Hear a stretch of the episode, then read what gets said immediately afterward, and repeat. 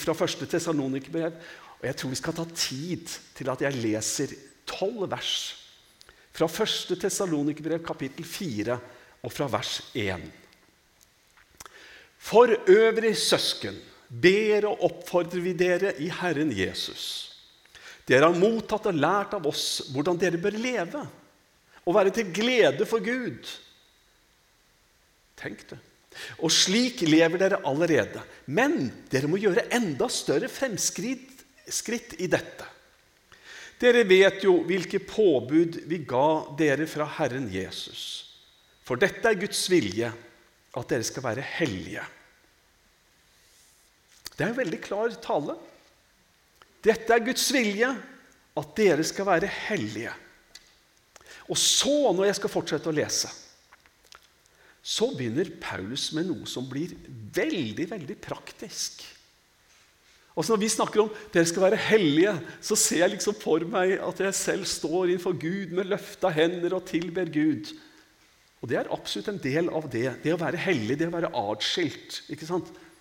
Men så må du høre hva Paulus skriver etter at han har sagt For dette er Guds vilje, at dere skal være hellige, så dere holder dere borte fra hor. Hver av dere skal vite å vinne sin egen kone i hellighet og ære, ikke i sanselig begjær som hedningene. De kjenner jo ikke Gud. Ingen må krenke eller utnytte sin bror på noen måte. Herren straffer alt slikt. Det har vi tidligere sagt dere klart og tydelig. For Gud kalte oss ikke til urenhet, men til et hellig liv. Den som avviser dette, avviser derfor ikke et menneske. Han avviser Gud, som gir dere sin hellige ånd. Om søskenkjærlighet trenger vi ikke skrive til dere, for dere har selv lært av Gud å elske hverandre. Og dere viser denne kjærligheten mot alle våre søsken i hele Makedonia. Like fullt oppfordrer vi dere søsken til å gjøre enda større fremskritt. Dere skal sette deres ære i å føre et stillferdig liv, passe deres egne plikter og arbeide med hendene, slik vi har pålagt dere. Da kan dere gå frem slik det sømmer seg overfor dem som står utenfor, og trenger ikke å be noen om hjelp. For dette er Guds vilje, at dere skal være hellige. Det har jeg lyst til å dele tanker med dere om. Og som jeg nevnte Når jeg leser dette, og når jeg leser andre steder i Bibelen om dette, så er det virkelig sånn at jeg føler Gud legger lista nokså høyt. Det, det, er store og klare og ord som taler til oss om helliggjørelse, om å leve gudinnvidd, om å leve et rent og hellig liv.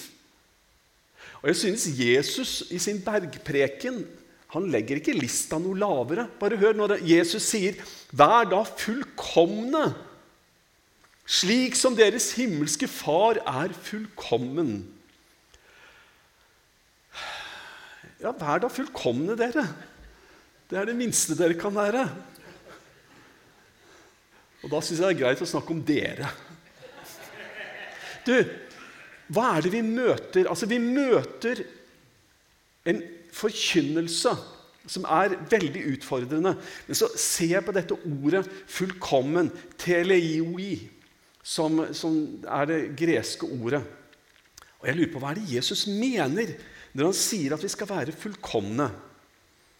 Og eh, Jeg slo opp i en ordbok og en kommentar, og en som heter professor Barkley, han tar fram et eksempel på hva dette ordet egentlig betyr. Fordi det betyr nok egentlig mer retta mot funksjon enn mot en sånn teoretisk Hva skal jeg si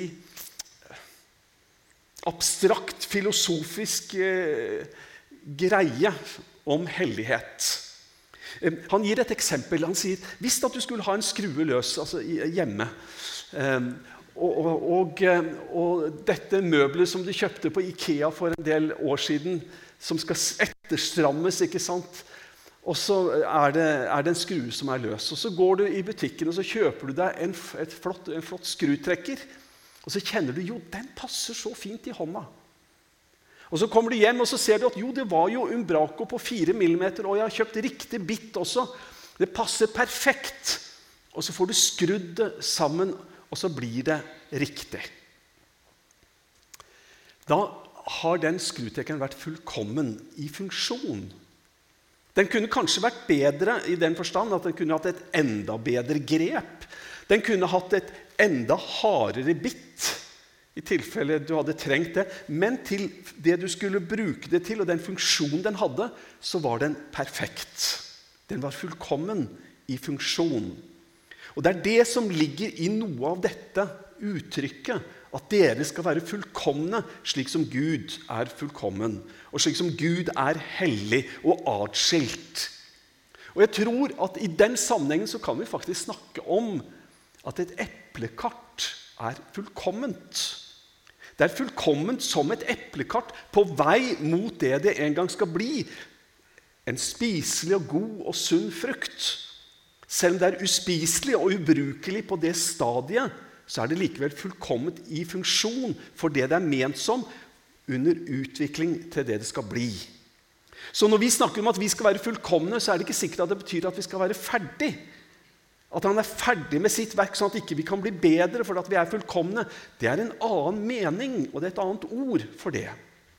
Men det er en utfordring til oss om at vi skal se i relasjon til den funksjonen vi har, og den funksjonen vi alle har.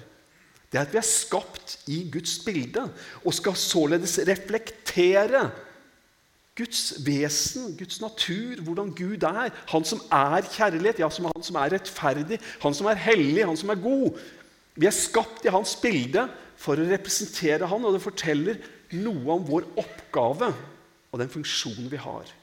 Og i de oppgavene som Gud setter oss inn, så vil han utruste oss slik at vi kan underveis, midt i all vår ufullkommenhet, være fullkomne redskaper i Guds hånd. Og så snakker vi ikke og taler vi ikke så mye om helliggjørelse. Og Jeg fant dette bildet som kanskje illustrerer litt. Vi er engstelige. I hvert fall jeg er engstelig for å stå liksom her og Nå skal jeg belære dere om et hellig liv. Hvem av oss er det som har lyst til å gå inn i en sånn rolle? Og så kan det være at vi i stedet tier litt stille om noen viktige sider som Paulus er veldig tydelig på. Paulus han har noe å si, og han sa det slik som vi leste. For dette er Guds vilje, at dere skal være hellige, så dere holder dere borte fra hor. Hver av dere skal vite å vinne seg sin egen kone i hellighet og ære, ikke i sanselig begjær som hedningene. De kjenner jo ikke Gud. Eh, I dag skal jeg tale om sex og sånt. Og i dag skal jeg tale om det litt i relasjon til tre klassiske synder.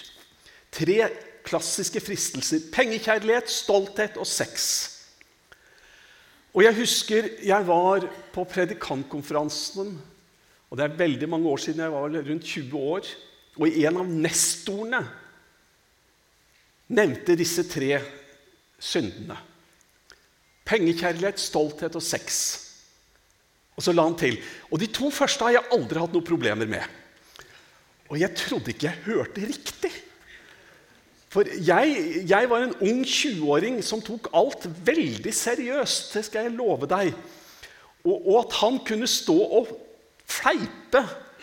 Og, og, så lo han så hjertelig godt. Og, og jeg, jeg, var sikker på at jeg hørte feil. Du kan velge hva du har mest problemer med og mest vanskeligheter med.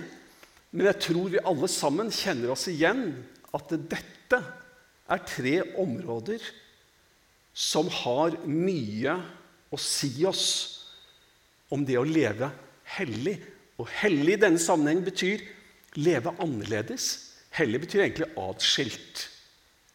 For hvis vi ser rundt oss i den kultur og hvordan det er, så har vi behov for hellighet. Vi har behov for å leve annerledes. Se på dette klippet fra Dagbladet. Jeg skal ikke spille noe video. Viser gruppesex i X on the beach. Har aldri sett noe drøyere. Dette er stas. På TV-programmer. Og, og, og, så tenker jeg Hva slags Altså, det unormale blir gjort normalt. Og hva slags verdier er det sånne TV-programmer egentlig skaper? Hva slags holdninger, hva slags lengsler, hva slags håp for framtid er det som skapes med dette? Og i, i, relasjon til en sånn overskrift så tenker jeg på Paulus. Han har en annen standard. Så dere holder dere borte fra hor. Hver av dere skal vite å vinne seg sin egen kone i hellighet og ære, ikke i sanselig begjær som hedningene. De kjenner jo ikke Gud. Jeg tror det kunne stått både sanselige og hemningsløse begjær. Men la oss droppe sitatet fra Dagbladet. Hver av dere skal vite å vinne seg sin egen kone i hellighet og ære. Du, jeg tror ikke Gud er spesielt prippen. Og jeg tror ikke at Gud har noen Altså, han har skapt oss mennesker med, med, med hele vår natur og med våre seksuelle behov, og alt sammen er skapt av Gud og vel kjent av Gud. Jeg tror ikke han er spesielt prippen, men jeg tror han ønsker oss det aller beste. Jeg tror han ønsker oss den tryggheten og den rammen som han har gitt til oss. Litt personlig. Jeg satt i Mombasa, ringte hjem til barna mine og fortalte om Gerdannes ulykke, at hun var på sykehuset, og at det var vanskelig, og at det var, var veldig vanskelig. Og så sier Markus André til meg å, pappa, jeg er så glad for at du er der hos mamma og kan, kan passe på. Og det var jo hyggelig og fint sagt. Og så nevnte jeg det for han senere, når vi hadde kommet hjem, og sånne ting, og sa at du, jeg, jeg, det, det, gikk virkelig til hjertet mitt når du sa det. Og selvfølgelig så er det en selvfølge at jeg var sammen med kona mi. Vi var på ferie sammen og alt det. Selvfølgelig. Men det var så rart at du sa det, og det, det, det var så godt å høre. Og så begynte han å fortelle. Han er jo 32 år. Så nevnte han navnene på, bar, på kameratene sine i barneskolen. Blitt, eh, altså foreldrene til han var blitt skilt, foreldrene til henne var skilt, foreldrene til han var skilt. Og Det hadde han aldri sagt og aldri tenkt på. Jeg tror aldri han egentlig var engstelig for at Geir Danne og jeg skulle gå fra hverandre, for vi hadde ikke den type konflikter. Men, men barn er engstelige for at foreldrene skal gå fra hverandre. Vi, vi, vi, vi lever i et samfunn hvor behovene av trygghet og nærhet er ikke blitt noe mindre de siste årene. Men utfordringene og farene som disse trygge samlivene er ment å ha, får vanskeligere og vanskeligere vekstvilkår. Det angripes fra så forskjellige mange vinkler. Og så tror jeg at Bibelen gitt, har gitt oss noen retningslinjer og noen verdier for å ta vare på oss. Ikke for at Gud er prippen, men for at Gud er glad i oss, og han vil gi både oss som er voksne, og barna som trenger en mor og far, de best mulige vekstvilkårene. Jeg husker På begynnelsen av 90-tallet kom det ut en bok som het 'Seksuelle fristelser'. Den kom ut i 91 på Rex forlag. Og Jeg husker jeg leste den. Den hadde litt sånn spesiell altså Det var 'Hvordan kristne arbeidere kan seire i kampen', var undertittelen. Den boka ligger faktisk på Nasjonalbiblioteket. Eh, det var der jeg var og henta det bildet. Jeg har, har, ikke boka lenger, men eh, den ligger der og kan leses gratis på Nasjonalbiblioteket. Bare å logge seg inn. Um, um, han forfatteren han fortalte om en kollega. Ehm, han sleit med porno. Og dette var jo før Internett, hvor alt er tilgjengelig når som helst. Hans problem var når han overnatta på hotell. Og så var det pay channels, og så ble han sittende der og se på filmer han ikke burde se på, som han ikke ønska å se på. Men han klarte ikke å la være. Og Så bestemte han seg for jeg reiser mye, jeg bor mye på hoteller. Nå skal jeg alltid gi beskjed om at jeg ønsker ikke at det skal være TV på rommet. Og han betaler for hotellet sitt, og når han sier et sånt krav, så ordna de om de tok det ut eller om de kobla det fra. eller sånne ting, det vet jeg ikke. Men poenget var det var ingen TV tilgjengelig. Og etter det så seira han alltid over de fristelsene. En annen en han fortalte om eh, Han hadde en eks. Det er det noen som kan ha. En tidligere kjæreste.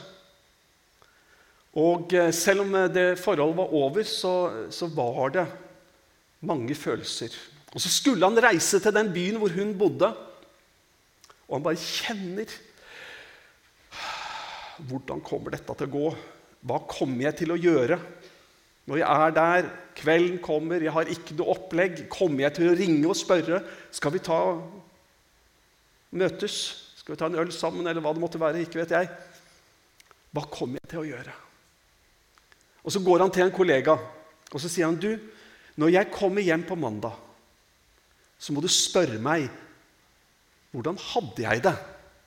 Hva var det jeg gjorde når jeg var i den byen i helga som har vært? Og, og, og han, eh, Forfatteren skriver at det at du visste at noen kom til å spørre deg Selvfølgelig kan du ljuge, men det at du vet du blir konfrontert altså Hele poenget er det går an å gjøre noe aktivt for ikke å havne i situasjoner hvor vi ikke er sterke nok til å stå. Når vi trenger hjelp. Og dere, jeg har slutta å tro på at ting bare blir kasta over oss. At vi er fullstendig uforberedt og vi hadde ingen mulighet. Bare, vi bare plutselig kom i en sånn situasjon at vi klarte ikke å tenke klart og handle rett. Det er mulig at sånt kan skje, men det er i alle fall unntaket. Vi tar masse, masse beslutninger på vår vei mot et nederlag og et fall. Og Bibelen kommer til oss for å legge noen verdier, noe fundament, som vi skal leve livet våre på, som gir oss en trygghet i de beslutningene vi tar de eksemplene som den boka den gir, tror jeg kan ha noe å gi oss. Hver av dere skal vite og vinne seg sin egen kone i hellighet og ære, leste vi i Bibelen. Og så tenker jeg at Bibelens undervisning om viktigheten av det livslange samlivet blir utfordra, og det blir betvilt. Det er i hvert fall sikkert. Det blir både utfordra og betvilt. Du vet, Det er et ord som jeg har lært meg for en stund siden, og som jeg syns er så fint. Anakronisme. Um, og, og, det livslange samlivet er en anakronisme. Det betyr det er ute av tiden. Altså det, er, det, det passer ikke inn med dagens situasjon, det er på en måte en anakronisme. Det at, det, det at du skal være eksklusiv fra, fra, ungdommen av så skal du ikke virre rundt. Men du skal vente med å ha et seksuelt samliv med den du gifter deg med. Og det skal bare være dere to. Det er en fullstendig anakronisme. Det er ute av tiden. Det er ikke det som er forventningene. Men det er det Bibelen taler om.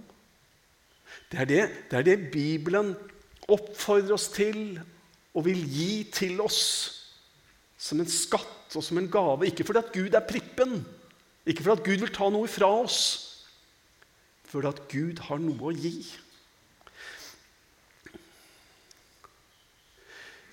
Jeg tenker at eh, Hva er det som er annerledes med det Bibelen sier? Og hva er det som konstituerer et bibelsk, legitimt seksuelt samliv? Hva er det som gjør Hva, hva, hva er det som skjer i denne overgangen fra å være noe som Gud sier vi ikke skal ta del i, til noe som Gud gir inn i dette forpliktende samlivet? Jeg skal si fem ting. For det første kjærlighet og respekt. Kjærlighet det har jeg skjønt, er noe veldig fint. For kjærligheten den spør ikke etter hva jeg kan få. Kjærligheten setter ikke mitt behov, mine ønsker, først. Kjærligheten ser det neste. Det er totalt annerledes. Du, La meg sitere for deg fra Efeserbrevet. Dere menn, elsk deres hustruer, like som også Kristus elsket menigheten og ga seg selv for den. Slik skylder også mennene å elske sine hustruer som sine egne legemer. Den som elsker sin hustru, elsker seg selv. Dette skriver Paulus i en kultur der fedrene bestemte alt. Der det var arrangerte ekteskap, og ofte kanskje til og med tvangsekteskap. Men i hvert fall arrangerte ekteskap. Så løfter Paulus opp kjærligheten som så viktig. Man kunne ha tenkt at det betyr ikke noe bare fedrene blir enige seg imellom. Men Paulus løfter fram kjærligheten. Her er det ikke sanseløs og hemningsløst begjær, men her er det kjærlighet. Og i det så ligger det kjærlighet og respekt. Det andre er intensjon om livslangt samliv. Jeg tror det er kjempeviktig hva slags intensjoner man har I Det nye testamentet er det fem hovedsteder som taler om ekteskapets intensjon om å vare livslangt. Jeg skal ikke stoppe for de, men, eh, men Bibelen er tydelig på hva Guds vilje er. Så er det selvfølgelig ganger da ting går i stykker. Det, det, det kan være de beste intensjoner, og så opplever man at det største prosjektet man hadde, har gått i stykker. Så det, det har jeg full forståelse for. Eh, intensjoner Jeg snakka med ei dame en gang. Hun fortalte at da hun gifta seg for 25 år tidligere, eller hva det nå var, så hadde hun vedda med ei venninne. For venninna sa du tør ikke gifte deg med han. Og hun sa jo, det tør jeg. Skal vi vedde? Ja, de vedda. Og så turte hun. Så skilte de seg etter tre måneder. Altså, Hva slags intensjon? Hun var den første jeg via som var fraskilt. Ehm, etter at det ekteskapet som hadde vart i tre måneder, hadde gått fløyten Hun kom ut i rus og elendighet. Og Så fant hun en mann, og så flytta de sammen. og Så var de samboere i 15 år, tror jeg. Og så ble de frelst. Og så kom de og eh, skulle på evangeliesenter, og så fikk de beskjed om at de måtte på hvert sitt evangeliesenter fordi de ikke var gift. De var bare samboere. Og så sa de men er det sånn at dere vil at vi skal være gift. Og så fikk de beskjed om det, og så sa de ja, men vi vil jo selvfølgelig gifte oss når vi skal det. Men så viser det seg at hun hadde faktisk da vært gift i tre måneder i sin unge år. Eh, og da var det spørsmål om vi skulle vie fraskilte eller ikke. Det var en lang greie som ikke jeg skal uh, bruke tid på nå. Men til slutt så, så fikk jeg gleden og æren av å vie dem. Og jeg gjorde det med stor takknemlighet til Gud over at uh, mennesker kan få gjenoppretta et liv og, og, og, og, det hele. Bare takknemlig til Gud.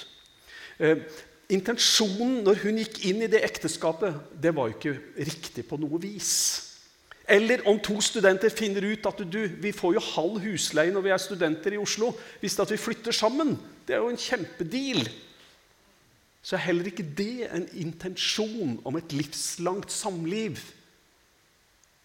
Og Bibelen har egentlig et ord for sånt.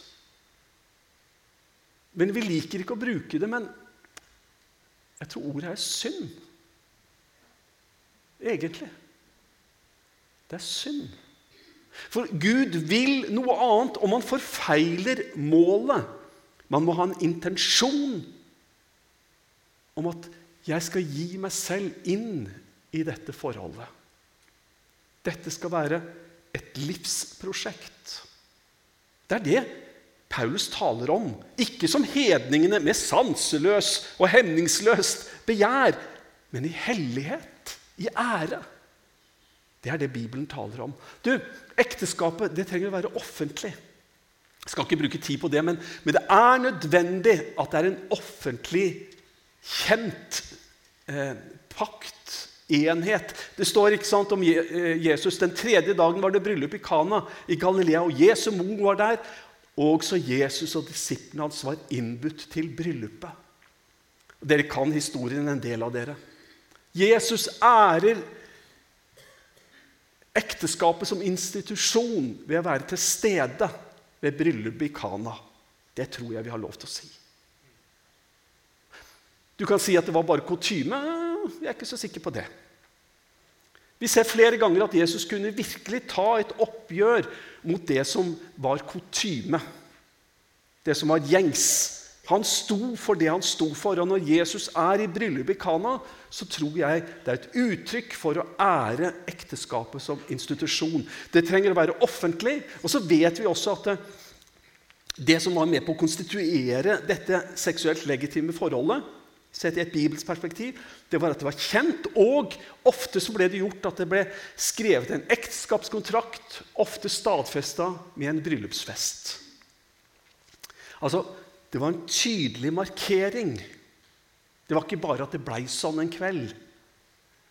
Det var en tydelig markering. Det snakkes om pakt. Jeg syns det er et ekko fra Malakias 3 når vi leser dette den tredje dagen det var det bryllup. Jesus han sa innbudt til bryllupet. Og, og, et ekko fra Malakias 3 om, om den pakten som han inngått med Gud som vitne. Jeg må gå litt raskt. Ekteskapet ble bekrefta og fullbyrda med seksuelt samliv. Det står i første Mosebok ikke sant? derfor skal mannen forlate sin far og sin mor og holde seg til sin hustru, og de to skal være ett. Og Så skriver Paulus i 1. Korinterbrev kapittel 6.: Eller vet dere ikke at den som holder seg til en skjøge, blir ett legeme med henne? Det er sagt de to skal være ett. Og Det er et bibelsted som mange har hatt problemer med. Ehm, jeg tror dette bibelstedet taler om den unike relasjonen som skjer når man har et seksuelt samliv med hverandre. Ikke minst ved tanke på at det er utgangspunktet for en familie med barn som gjør det helt fullstendig unikt og ulikt alle andre relasjoner. Samtidig så tror jeg slett ikke at om man skulle innlede et tilfeldig bekjentskap og ha et, ha, ha et sexliv med vedkommende, at man da plutselig er blitt gift fordi man har hatt sex med hverandre. Vet du hva? Jeg tror det er forskjell. Altså, tilfeldig sex og den type, den type, forhold Jeg tror Bibelen kaller det synd, som er nevnt. Og Det er ikke det samme som ekteskapsinngåelse, for det er noe annet. Og jeg tenker at Vi må ha litt forskjell, eh, vi må oppfatte forskjellen, og vi må kunne si at noe er galt, men at ikke det dermed har plutselig konstituert et ekteskap. Men at det, er en del av ekteskapet. Det er en del av de fem tingene som jeg nevner, som er med på å konstituere dette livslange forholdet. Jeg nevnte kjærlighet og respekt, intensjon om livslangt samliv, ekteskap og offentlighet, ekteskapskontrakt stadfestet med en bryllupsfest, ekteskapet bekrefta og fullbyrda ved seksuelt samliv. Og når man, når man tar disse sammen, så ser man at det bygges et fundament. Selvfølgelig skal man ikke si at om én del eller sånt mangler, så er det, ikke et ekteskap lenger. Eh, ikke i det hele tatt. F.eks. Om, om, om det skulle være ja, nei, Jeg vil ikke begynne å nevne eksempler. Men, men, det kan være i forbindelse med arrangerte ekteskap og helt forskjellige ting. Altså, Et ekteskap skal respekteres som et ekteskap. Eller som, som en eh, teolog sa det i forbindelse med hvordan eh, ekteskapsinngåelse ble oppfatta i Romerriket på Jesu tid. Da siterer han at eh, hvis noen oppfattet, ble oppfattet som å være et ektepar, et ektepar de er, står det i, i, i den eh, boka om ekteskapsinngåelser på romertiden.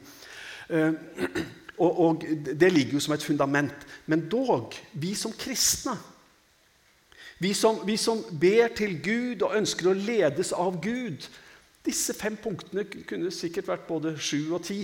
Men disse fem punktene sier noe om hva Bibelen mener når Bibelen taler om at for dette er Guds vilje, at dere skal være hellige, så dere holder dere borte fra hor.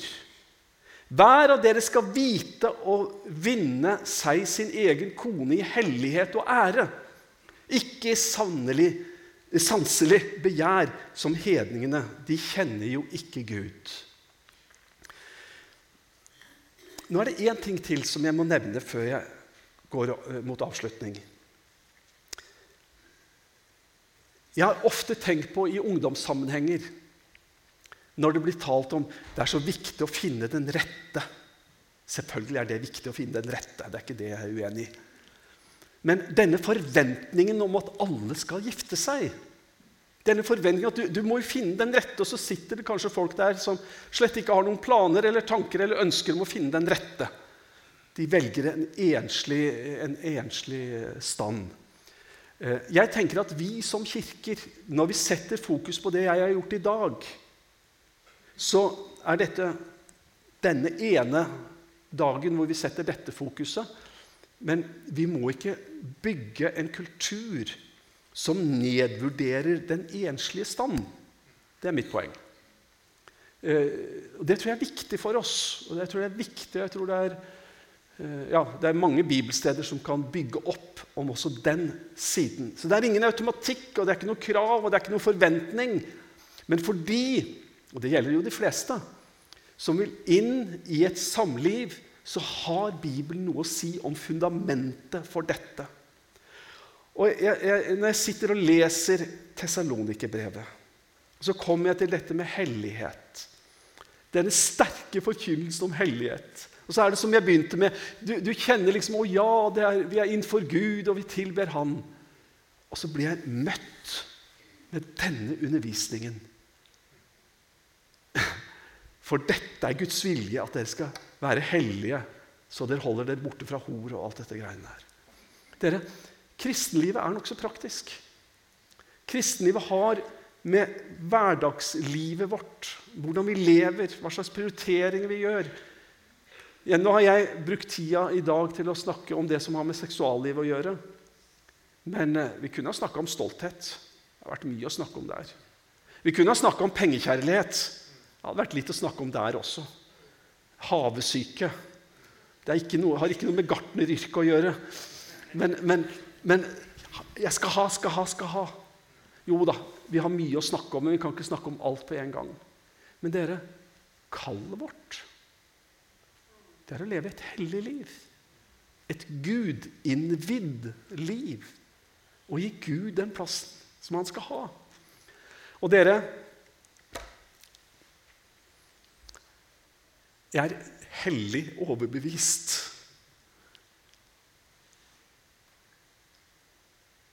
Det å følge Guds ord, det er det beste råd som Gud Det er det beste råd som vi kan følge det å ta imot Hans ord til oss med takk. Og be om at Han må få gi oss kraft og styrke og lede oss og leve et gudinnvidd liv. Det er fundamentet for et godt og lykkelig og et harmonisk liv. Må Gud hjelpe oss til det. Amen.